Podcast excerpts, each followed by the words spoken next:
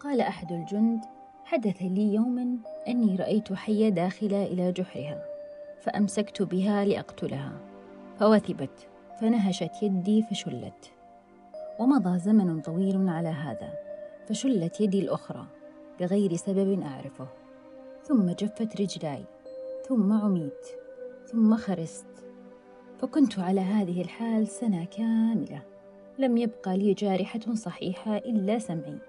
أسمع به ما أكره وأنا طريح على ظهري لا أقدر على كلام ولا إيماء ولا حركة. أسقى وأنا ريان وأترك وأنا عطشان وأطعم وأنا شبعان وأمنع وأنا جائع. فلما كان بعد سنة دخلت امرأة على زوجتي فقالت لها زوجتي إنه لا حي فيرجى ولا ميت فيسلى. فأقلقني ذلك وآلم قلبي ألما شديدا فبكيت وضججت إلى الله تعالى في سري فما أصبحت إلا وأنا سليم معافى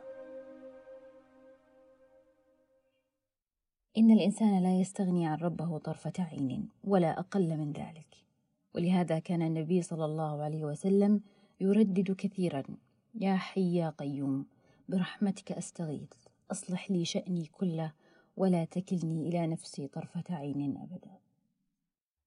وإذا رجعنا إلى المعنى اللغوي للتضرع لوجدناه يدور حول الطلب بذل وخضوع واستكانة وهو من أعظم أسباب دفع البلاء. لقد كانت حياة رسولنا صلى الله عليه وسلم كلها لله وقد عرض عليه ربه أن يجعل له بطحاء مكة ذهبا. فقال صلى الله عليه وسلم لا يا رب ولكن أشبع يوما وأجوع يوما. فإذا جعت تضرعت إليك وذكرتك وإذا شبعت شكرتك وحمدتك. اذكر ربك عند الكرب. لا إله إلا الله العليم الحليم. لا إله إلا الله رب العرش العظيم. لا إله إلا الله رب السماوات والأرض ورب العرش الكريم. نسأل الله أن يجعلنا أفقر خلقه إليه وأغناهم به عمن سواه.